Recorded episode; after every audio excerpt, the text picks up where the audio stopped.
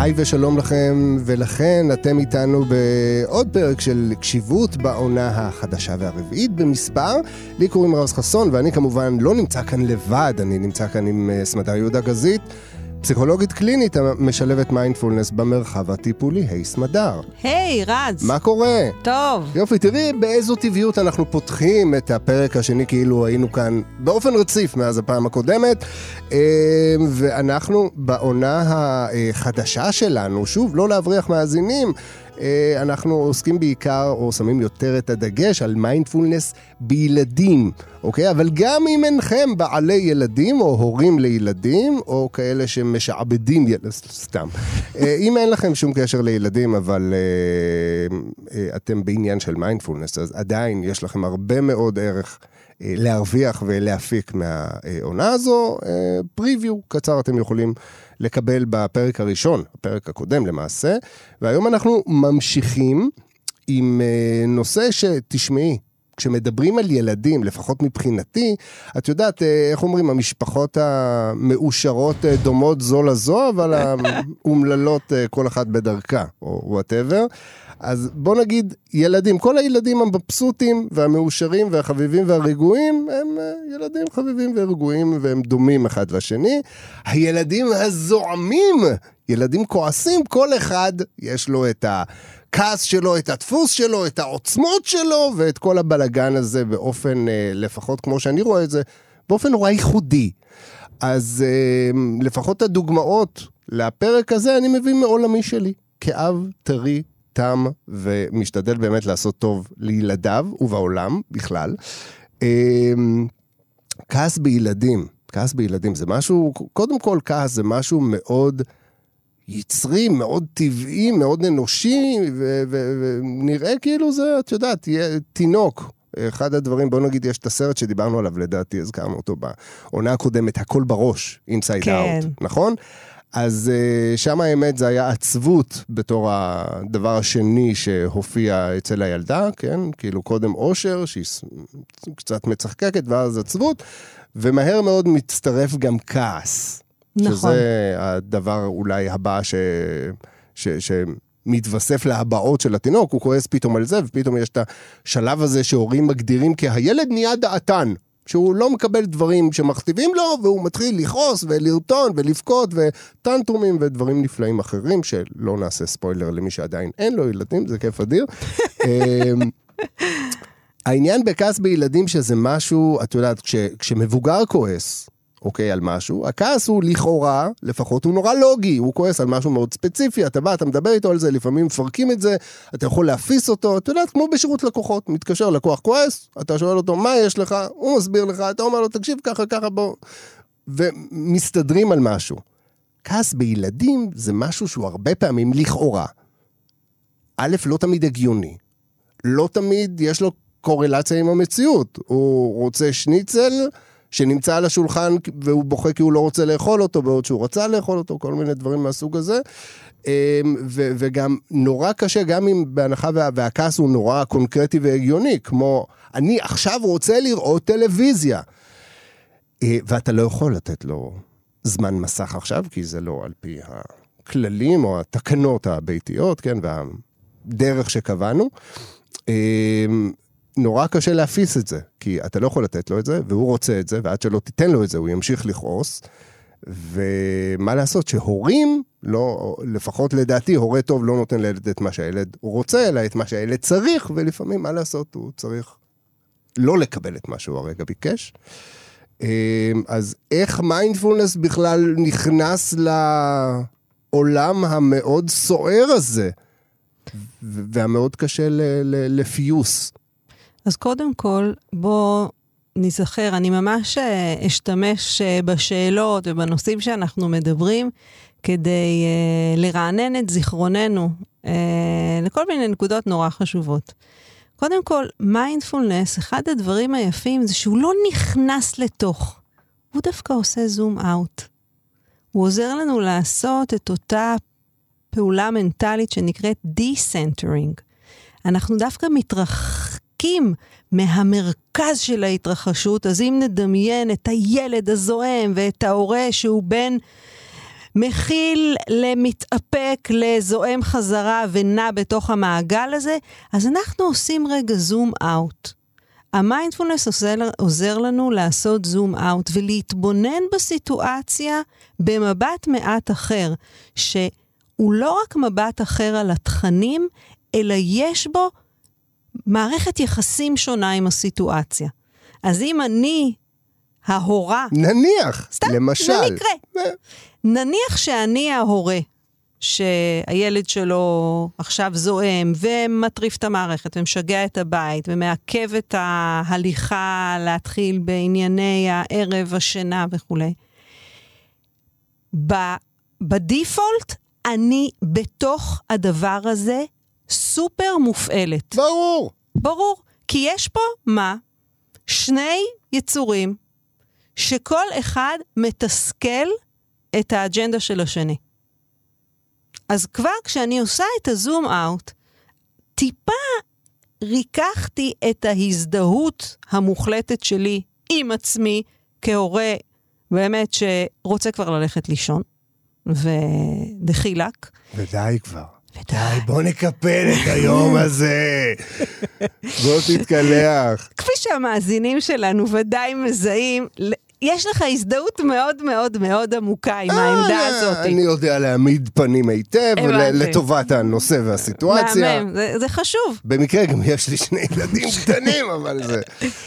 אז כשאני עושה את הזום אאוט, ואני אומרת, אוקיי, יש כאן שני כוחות שמתנגשים זה בזה, כי כל אחד רוצה לקבל את הדרך שלו, אבל רק אחד בעצם כנראה יכול עכשיו... נשמע uh... כמו פרומו לריאליטי, אבל רק אחד יוכל לצאת עם ידו על העליונה מהסיפור הזה. עכשיו, אנחנו יודעים שככלל, מצבים של עוררות רגשית גבוהה, שכעס הוא אחד מהם, Uh, כעס זה, זה מצב, שוב, פסיכו-פיזיולוגי מאוד מוטען אנרגטית. ואם נביא קצת מיינדפולנס לסיטואציה, נוכל גם לפרט קצת במה כעס מוטען. כעס מוטען בתוקפנות, כעס מוטען בתחושה של אה, צדק, אה, לפעמים תחושה של נקמה, שאוי ואבוי אם נגיד את זה כשאנחנו מדברים על הילדים שלנו, אבל אני בגישתי כפסיכולוגית מאוד מאמינה שיש ערך, כשעושים את זה במקום הנכון ועם האדם הנכון, לאוורר קצת את הרגשות האלה, שכן, לפעמים... אה, אב אוהב הוא אב נוקם. לבוא במגע עם רגשות קשים שמתעוררים בנו גם כלפי הילדים, אה, כשעושים את זה באופן שהוא מבוקר ומותאם, ושאיננו מייצר טראומה עבור הילד, יש בזה משהו מיטיב. זה מאפשר פורקן של רגשות שהם בלתי נמנעים בתוך האינטראקציה הכל כך אינטנסיבית, הדוקה, יומיומית, ליל לילית עם הילדים שלנו. אז אם נכיר בכך שכל הדבר הזה קיים, אה, מתוך אותה נקודת מבט מעט מעט decentered, אני אוכל לזהות בעצמי שכרגע אני בעוררות גבוהה ואני בכעס. זה לא מצב שאני יכולה לפעול בו עם כל דרגות החופש הפוטנציאליות ועם אותה בהירות מחשבתית שללא ספק תשפר את קבלת ההחלטות שלי. עד כאן אתה מסכים איתי. נוטה להסכים, בכאב, כן. אה, אז נשאלת השאלה, איך אני, האם בכלל אפשר ואיך אפשר אה, לייצר את השינוי העדין הזה שבו מהורה זועם שנלחם אה, בילדה צעירה וכועסת, איך אני עוברת למקום שהייתי קוראת לו שהוא קצת יותר גדול, או קצת יותר רחב ברמה של התודעה, שיש לי גם קצת יותר דרגות חופש. חשוב כאן להזכיר גם שאנחנו מאוד לא אוהבים ואנחנו מגיבים בכעס למצבים שבהם מוציאים מידינו את השליטה. שלא לומר, לא מכירים בסמכות שלנו. במשילות. להכתיב, בדיוק. מדובר בעצם ב... ב, ב בעצם במהלכי מרד. כאן אני רוצה להוסיף עוד פן, שאם אנחנו עושים את ה-decentering, יש לנו אפשרות גם את הילדה שלנו לראות בפרספקטיבה הרבה יותר רחבה. חלק מהמסע של ילד אל הבגרות עובר בהגדרה עצמית, במה שאנחנו קוראים אינדיבידואציה, בהגדרה ובסימון של הייחודיות שלו כנפרד מאיתנו. ואין כמו כעס כדי לייצר נפרדות. זה מהמם. נפלא, כבר ארזנו, ארזנו את הפרק. אז ברגע שאני רואה את הדבר הזה כך, ויכולה גם לראות שיש לי ילד שנמצא עכשיו בלב איזשהו מאבק שמרגיש לו קיומי, שבחלקו הוא מוצדק, אבל ברובו הוא שכבות על שכבות על שכבות שהוא כבר התנפח וצעק והתנגד ו- ו- ונכנס איתנו לתוך הקלאש הזה. אני חושבת שאנחנו עשויים למצוא בתוכנו איזשהו סדק שיש בו גם חמלה. עכשיו, החמלה ממש לא אומרת תן לילד מה שאתה רוצה. החמלה ממש לא אומרת תפייס אותו. ואם יש משהו שממרום שנותיי אני יכולה להגיד היום, זה שאני חושבת שכנראה חלק הרבה יותר גדול מההורים כיום מזיקים לילדים שלהם בכך שהם נותנים להם יותר מדי חופש ויותר מדי אפשרויות בחירה, ולא להפך, כמו שהיה בדורות קודמים. כלומר, חשוב לנו לזכור שילד אמנם נלחם בגבולות, אבל הגבולות האיתנים הם ממש בסיס להתפתחות הנפשית התקינה שלו. אם אני יכולה כהורה לזוז מהעמדה שמרגישה שאו אני או הוא, וזה חייב להיות אני, ויש כאן מאבק שליטה, ובסופו של דבר זה האם הוא הולך עכשיו לישון או לא הולך עכשיו לישון, אני נמצאת בתוך מסדרון מאוד מאוד מאוד צר. אם אני יכולה להבין שהוא מנהל כרגע מאבק אינדיבידואציה, והוא רוצה שהמילה שלו תהיה המילה האחרונה, אבל אני גם מבינה שלפרוק עליו את זעמי, זה אולי תהיה לזה איזושהי תועלת היום, אבל אפס תועלת וכנראה נזק בלונגרן.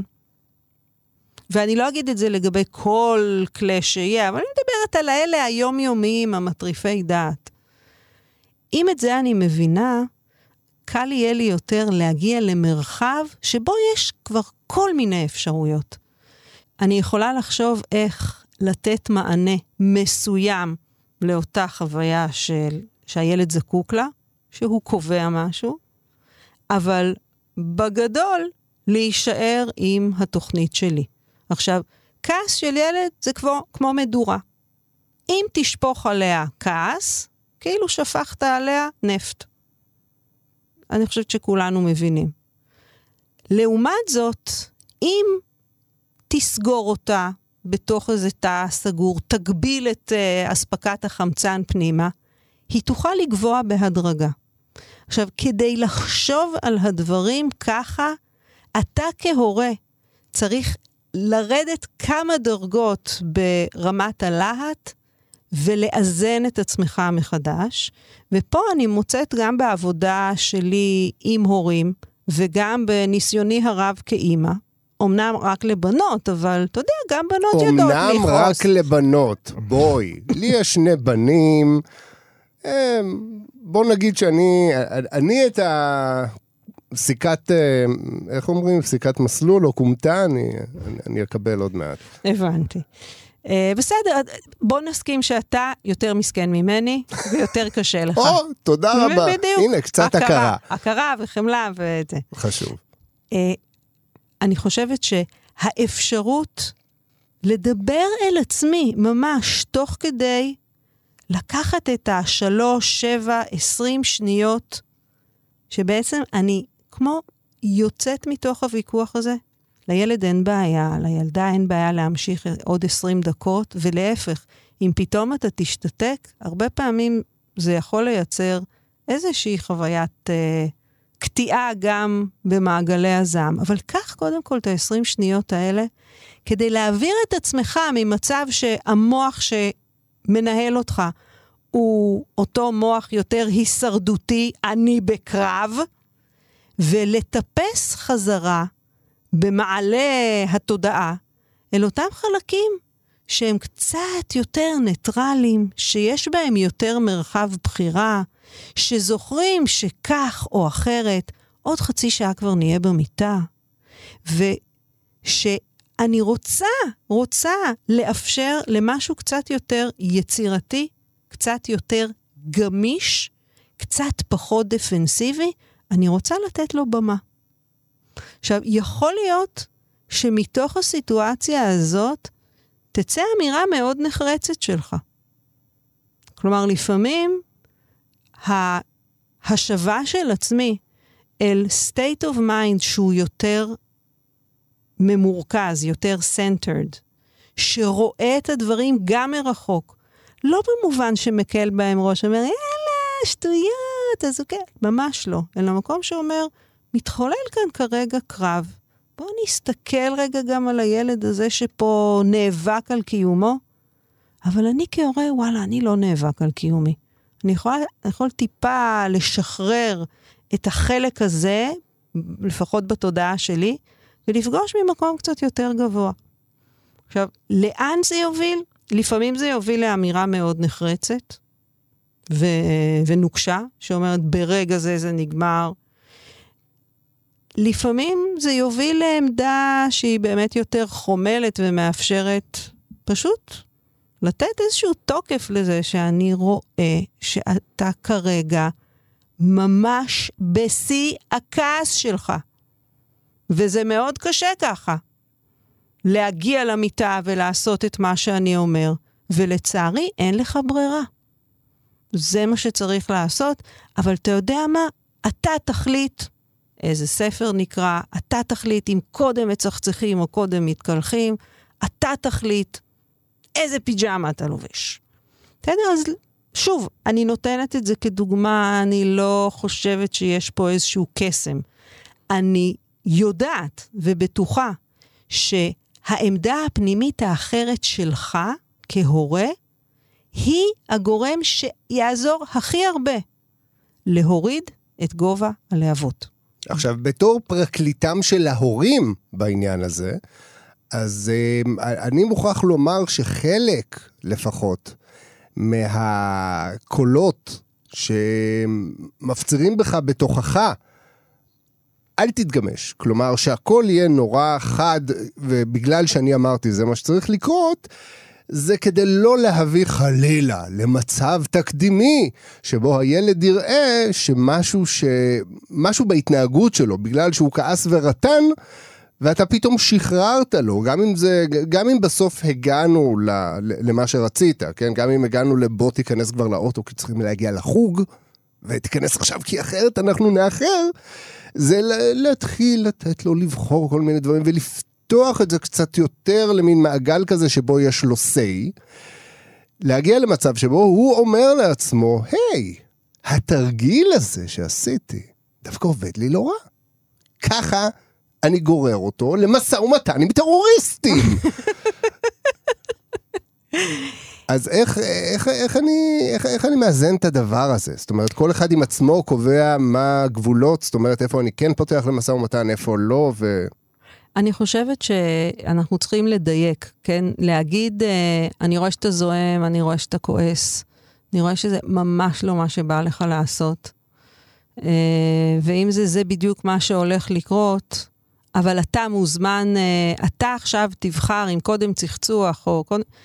זה אה, אירוע שבו אתה לא מנהל משא ומתן, אלא אתה פותח איזשהו מרחב של בחירה. זאת בהחלט אה, אחריות שלך כהורה, כשאתה ממשיך את השיח הזה, לא לגלוש למשא ומתן. עכשיו, אני מכירה היטב את הקול הפנימי הזה, שבעצם אומר לך, אם רק פעם אחת יקרה זה וזה וזה, אז לדיראון עולם. זה משהו שברוח המיינדפולנס הייתי מצלי, ממש ממליצה לפנות מהשטח. ניזכר בשורה הנפלאה של אהוד בנאי, אז תאמין שאם קלקלת, אתה יכול גם לתקן. כן, כן. אנחנו לא מייצרים תקדימים איומים שלא ניתן לחזור מהם, ואירוע אחד. אנחנו הורים, ואנחנו הרבה משתמשים במנגנון של ניסוי וטעייה. אה, חוסר גמישות בהורות הוא לא מתכון מצ... מצליח. לא.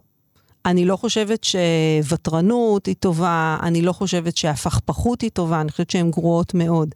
אבל אני חושבת שהאפשרות אה, לבדוק האם גמישות במובן מאוד ספציפי יכולה לאפשר לילד שלך לרדת מהעץ בלי להרגיש מוכה ומושפל, ו, וכמי שהופעל עליו אך ורק כוח, זאת עוד דרך שיכולה לפעמים להועיל, ולפעמים גם אין ברירה אלא להרים את הזעתות הזה, שהוא כולו אש ולהבה, ולקחת אותו אל המיטה. גם זה לפעמים יקרה. אבל אם לא תהיה לנו הגמישות הפנימית לנוע, אה, אנחנו נגיע למקומות הרבה פחות טובים, ואני חושבת שמיינדפולנס מאוד מכוון אותנו להגדלה של הגמישות הפסיכולוגית. אבל לא הגדלה של גמישות כשהמוח שמנהל אותי הוא המוח הלוחם, הלהיות או לחדול, אלא גמישות שמתקיימת בתוך מרחב באמת הרבה יותר אה, משתנה, סקרן, אה, שיש לו גם אה, אה, אמון בעצמו. שאתה יכול להרגיש שאתה, שאתה סומך על עצמך. אני חושבת שבעידן הזה, רוב ההורים הרבה יותר חוששים מלא לרצות את הילד, מזה שהוא יכעס, זה נורא מפחיד. ו- ו- ופה אני, ממש בא לי לעמוד אה, על אז ראש... אז הנה, בואי תעמדי, אנחנו נעמיד את המיקרופון. ולצעוק, תתסכלו את הילדים שלכם, תנו להם להיות מתוסכלים. לא נבנה חוסן נפשי בלי זה. ילד שיקבל את כל מה שהוא רוצה, זאת ממש חבלה חמורה בהתפתחות הנפשית. כוחות הנפש, ה... שוב, החוסן הנפשי, היכולת להתמודד עם העולם כאדם יותר בוגר, מושתתת על כך שנפגוש תסכול והתנגדות ומהמורות בדרך. יש לנו יכולת כהורים, כשהכול בסך הכל בסדר, יש לנו יכולת אה, לדאוג לכך שהילדים שלנו לא ייפגשו עם אה, קירות שהם גבוהים מכפי שהם יכולים לטפס עליהם. אבל אם נלך כל הזמן לפני הילדים ונפנה כל אבן קטנה, אנחנו בעצם מייצרים סוג של נכות ומוגבלות שאנחנו לא מעוניינים בה, והמהפך הזה שקרה בהורות, שבה במקום שהורה ירגיש שהוא נמדד בזה, נגיד שהילד שלו הוא נחמד ועורך דין או רופא, כמו שהיה פעם, שאני לא מהללת את זה, היום חלק גדול מההורים הצעירים מרגישים שההורות נמדדת בזה שיש לילד את כל מה שרוצה ויש לו חדר נורא יפה והוא הולך לכל החוגים והוא היה בחוץ לארץ ו... או, או הוא נסע...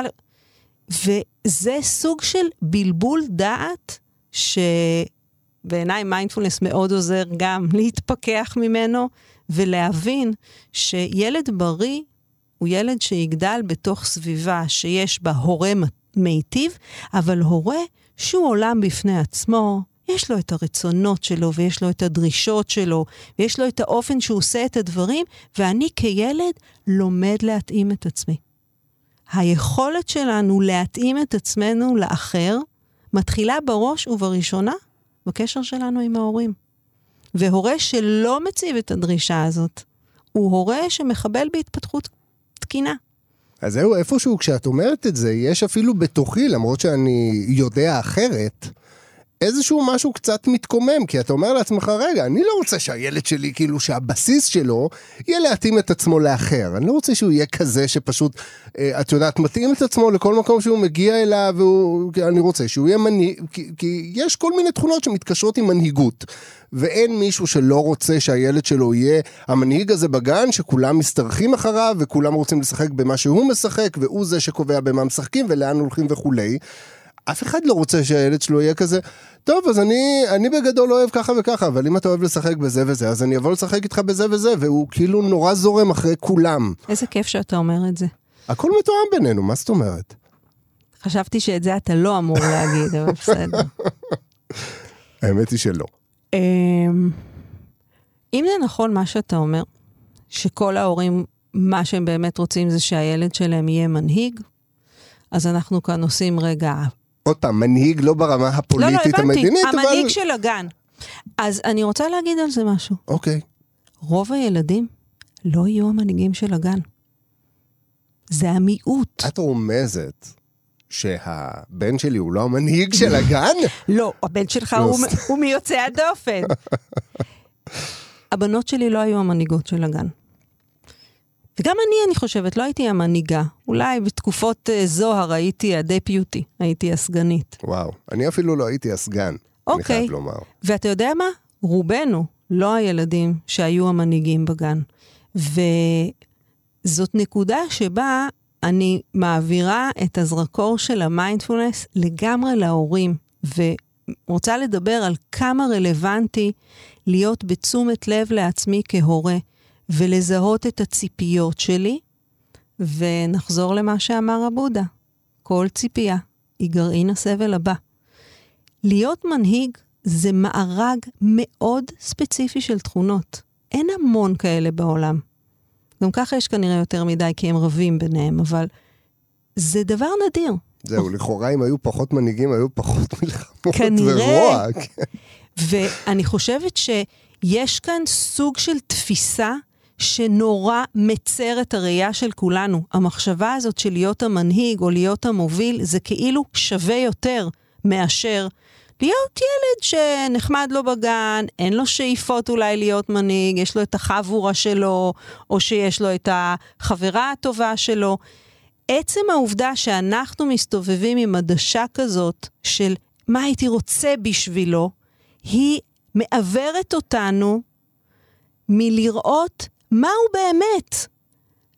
מה המקום שהילד שלי מוצא בגן? האם טוב לו בגן? Uh, זה האופן שבו אני חושבת שמיינדפולנס יכול מאוד לשפר את ההורות שלנו. כי אני, אני יכולה לזכור את עצמי, עברתי איזו אבולוציה גם כאימא, כן? אני יכולה לזכור את עצמי בשלבים מוקדמים שהייתי שואלת, ועם מי שיחקת? ובמה שיחקת? מתחילות השאלות שאני יכולתי בדיעבד לזהות שיש מאחוריהן איזשהו ברור שרוצה להגיע לנקודה X ולא רוצה להגיע לנקודה Y. זה מקום של העבודה שלנו כהורים. של עד כמה אנחנו יכולים לראות את הילד שלנו בתור מישהו שאנחנו לא תמיד מכירים ויודעים, ולראות את, ה, אה, אה, את הערך בכך שהוא יהיה בסביבה שהיא טובה לו, אבל לאו דווקא כמנהיג, אולי נורא נורא טוב לו בגן, כי הוא ממש מרוחק משכבת המנהיגים, והוא יודע איך לא להיכנס לתוך קונפליקטים, לא כי הוא חסר ביטחון, כי הוא לא מחפש קונפליקטים. ויש המון אנשים שיש להם חיים נפלאים, והם לא מדאיגים, לא רוצים להיות מנהיגים ולא רוצים קונפליקטים. כלומר, אלה מקומות שהיכולת שלנו לפרוץ כל מיני אמיתות פנימיות, היא נורא חשובה, ובעיניי תרגול של מיינדפולנס עוזר לנו לעשות אותה, ולחזור ולשאול את השאלה, מה פה הציפייה שברקע שמפעילה אותי, ואם אני יכולה קצת לרופף את האחיזה שלה, ולאפשר לילד הזה להיות מי שהוא. וכאן אני חוזרת לשאלה ששאלת על מה, אנחנו רוצים שיהיה לנו ילד שרק מתאים את עצמו? אני חוזרת שוב למושג מהעולם הבודהיסטי, דרך האמצע. אנחנו רוצים ילד שיודע להתאים את עצמו כשצריך, אבל גם יודע לעמוד על שלו כשהדברים מאוד חשובים לו. אבל הוא יודע להג... בהדרגה להבדיל בין קלה לחמורה. אז בגיל ארבע, דין השניצל כדין המסך, כדין חיים ומוות לפעמים. אבל אם לא נתחיל לייצר את ההבחנה, אנחנו כהורים, בין דרגות שונות של התאמה, וניתן לילד שלנו להתנסות ולהידרש גם לזה וגם לזה. אנחנו מצמצמים את המרחב שבו הוא גדל ומתפתח. ולראות את האפשרות הזאת לתסכל את הילד כדבר שהוא בונה. ממש כמו שאם אתה רוצה לבנות עצם, אתה צריך לעבוד מול התנגדות. אחרת אי אפשר לבנות עצם. אי אפשר. זה דימוי שכדאי להחזיק אותו בראש. חלק מהגדילה הנפשית חייבת לקרות במפגש עם משהו שמתנגד. אבל קצת כמו בתבונה. המשל על אה, כנפי הפרפר. נכון, נכון, אתה יכול אה, לספר אותו.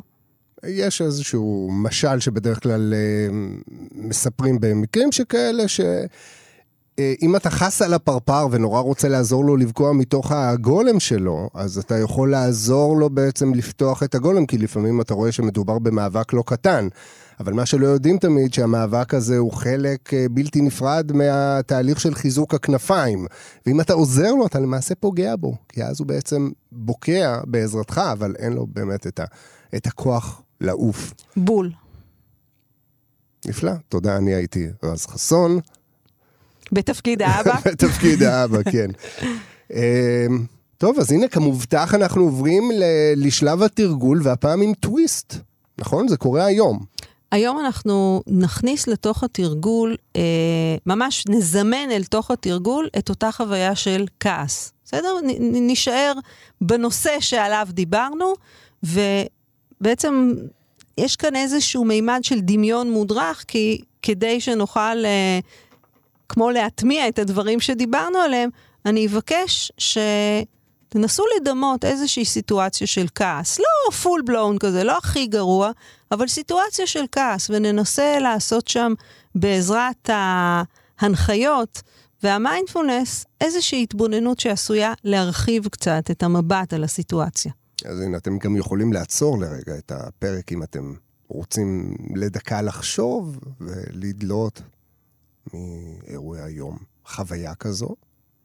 וברגע שמצאתם, מה עלינו לעשות איתה? אנחנו מתחילים לתרגל, וכשנצטרך אותה, אני אבקש מאיתנו לשלוף אותה.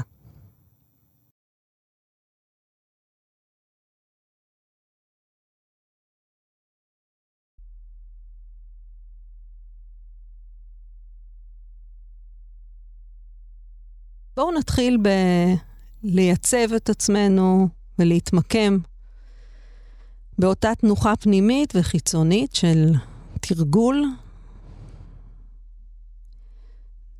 נבחין במתח או עומס אם ישנו בגוף, ובעזרת הנשיפות נרפה, נפנה.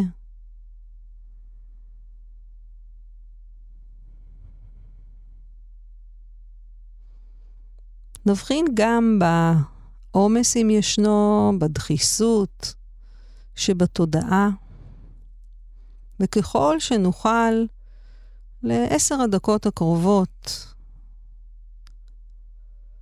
להרפות מהסוגיות, מן המחשבות, התכנונים, מרשימת הבעיות הממתינות להיפתר, ונביא את מירב תשומת הלב שלנו אל ציר הנשימה, אל התנועה הזו פנימה והחוצה של אוויר.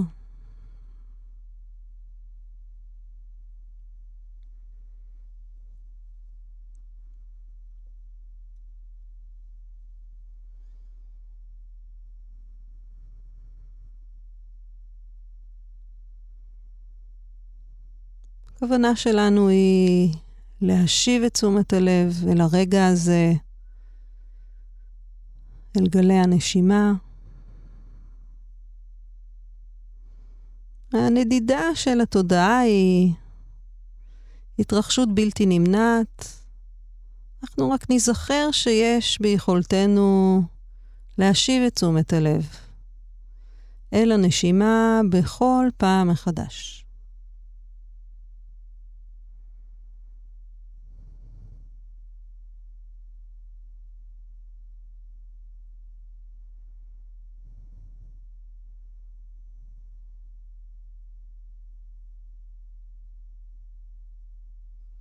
נביא כעת את תשומת הלב אל אותו אירוע, גם אם uh, אנחנו זוכרים או מעלים משהו רק בקווים כלליים, ללא תוכן ספציפי, ניזכר במצב כזה של עימות או התכתשות מאחד הילדים שלנו. לצורך העניין, אפשר גם להעלות התרחשות כזו עם אדם אחר, יכול להיות עם אחד ההורים שלנו או אחד האחים. בעצם אנחנו מנסים כמו לייצר בתוכנו חוויה של כעס. בואו ניקח לעצמנו רגע כדי להסתקרן לגבי הרכיבים של החוויה הזאת. איפה מתבטא הכעס בגוף שלי עכשיו? האם באזור הלסתות או העיניים? אולי חגורת הכתפיים עולה, מתכווצת. אולי יש ביטוי של הכעס אה, בידיים, בכפות הידיים, שנטענות באזור הבטן, שהרבה פעמים מופעל כשאנחנו כועסים. אז איפה זה נוכח? ובעזרת הנשימה ננסה לייצר מרחב לחוויה הזאת. לא צריך לכבות ולא צריך לסלק. רוצים לפגוש, להכיר איך זה מרגיש כשאני כועסת.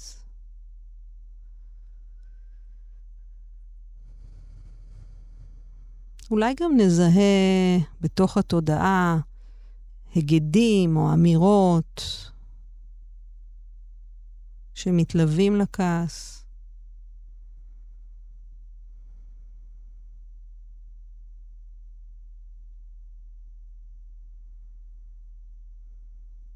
ואולי גם עוד איכויות רגשיות שמתווספות על אותו רגש מרכזי של כעס. אולי חוויה של אכזבה, תסכול, עלבון, לפעמים גם פחד.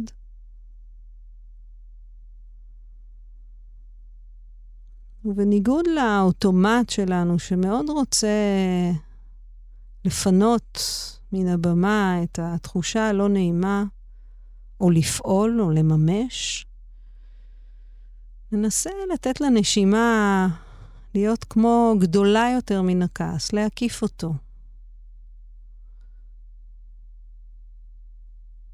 הנה כעס. הנה התחושה שאני מכירה. ועכשיו יש לי אפשרות לראות אותה באופן מפורט ומדוקדק יותר.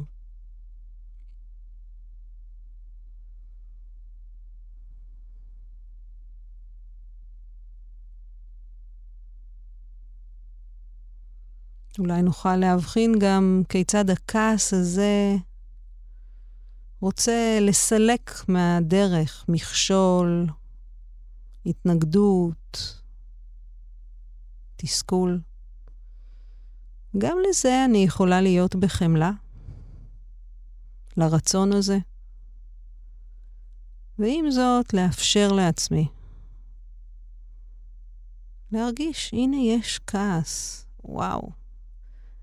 כמה חזקה האחיזה של הרגש הזה בגוף שלי, בתודעה.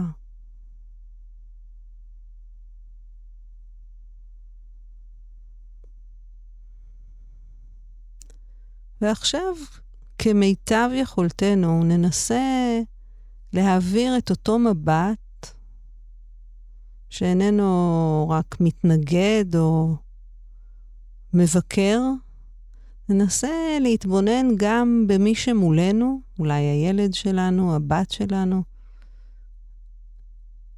להתבונן גם עליהם ולהבין שגם הם כעת בתוך בועה של כעס.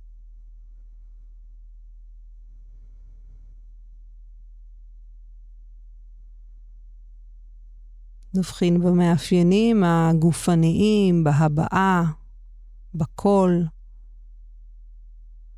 בתנועה.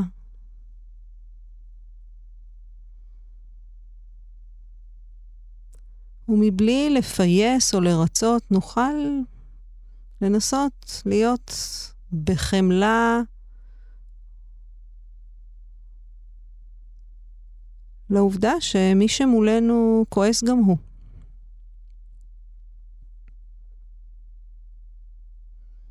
מפגש של כעס בכעס.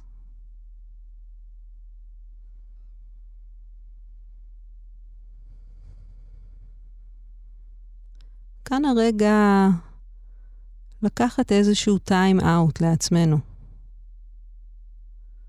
ליישם משהו מן התרגול שכבר פגשנו, לחזור ולייצב את תשומת הלב על ציר הנשימה, למצוא אולי את הדרך להרגיש את התודעה גדולה ורחבה יותר מן הכעס המסוים הזה. יש תודעה כמו רקיע, ובתוכו ענן אולי גדול מאוד, אבל ענן של כעס.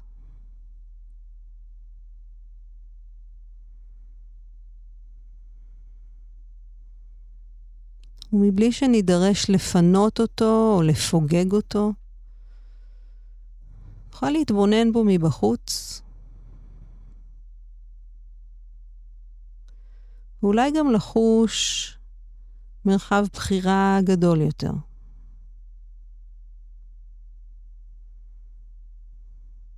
לא רק אותה תגובה אוטומטית, אלא דווקא הכרה במה שישנו, ככה זה עכשיו.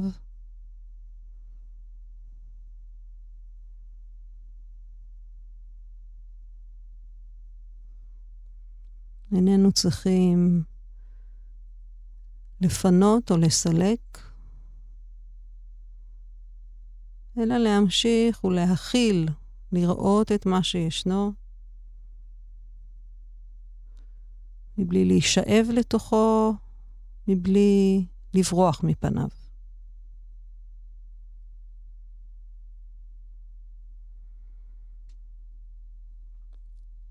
וגם אם נחוש שלא מתחולל שום שינוי בחוויה של הכעס, זה בסדר גמור. יכול להיות שפגשנו את הנוקשות שבכעס, או את האופן שבו הוא יכול לתפוס את כל הנפח.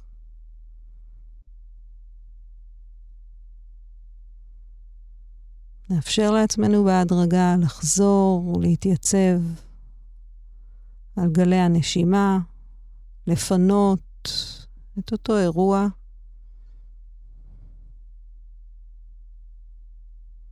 ובהדרגה,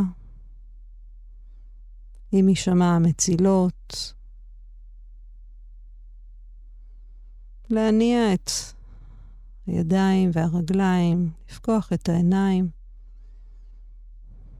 לחזור מחדש למרחב הזה.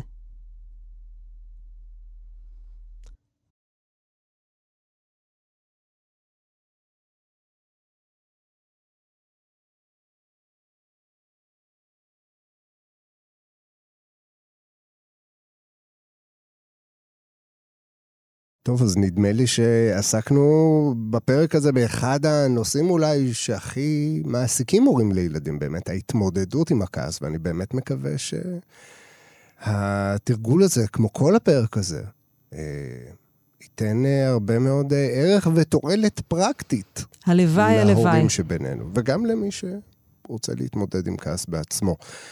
סמדר יהודה גזית, פסיכולוגית קלינית המשלבת מיינדפולנס במרחב הטיפולי. תודה רבה לך. תודה לך. אנחנו נשתמע כאן ממש בקרוב עם עוד... אה, לגמרי. עם נושא מעניין אחר מעולמם של אה, הורים וילדים. אה, יהיה מעניין, זה בטוח. אז uh, תודה רבה גם לכם על ההאזנה, אתם מוזמנים להאזין לפרק הזה שוב, כמו גם לפרק הקודם ולכל שלוש העונות הקודמות שלנו בסדרת קשיבות. Uh, באתר שלנו, ב-www.kan.org.il/פודקאסט, או בכל uh, יישומון הסכתים שחביב עליכם, שם תוכלו למצוא אותנו. קשיבות, אנחנו שם. Uh, זה הכל להפעם, לי קוראים רז חסון. אנחנו נשתמע כאן בפרק הבא. עד אז תהיו במיינדפולנס, תרגישו טוב, ולהתראות.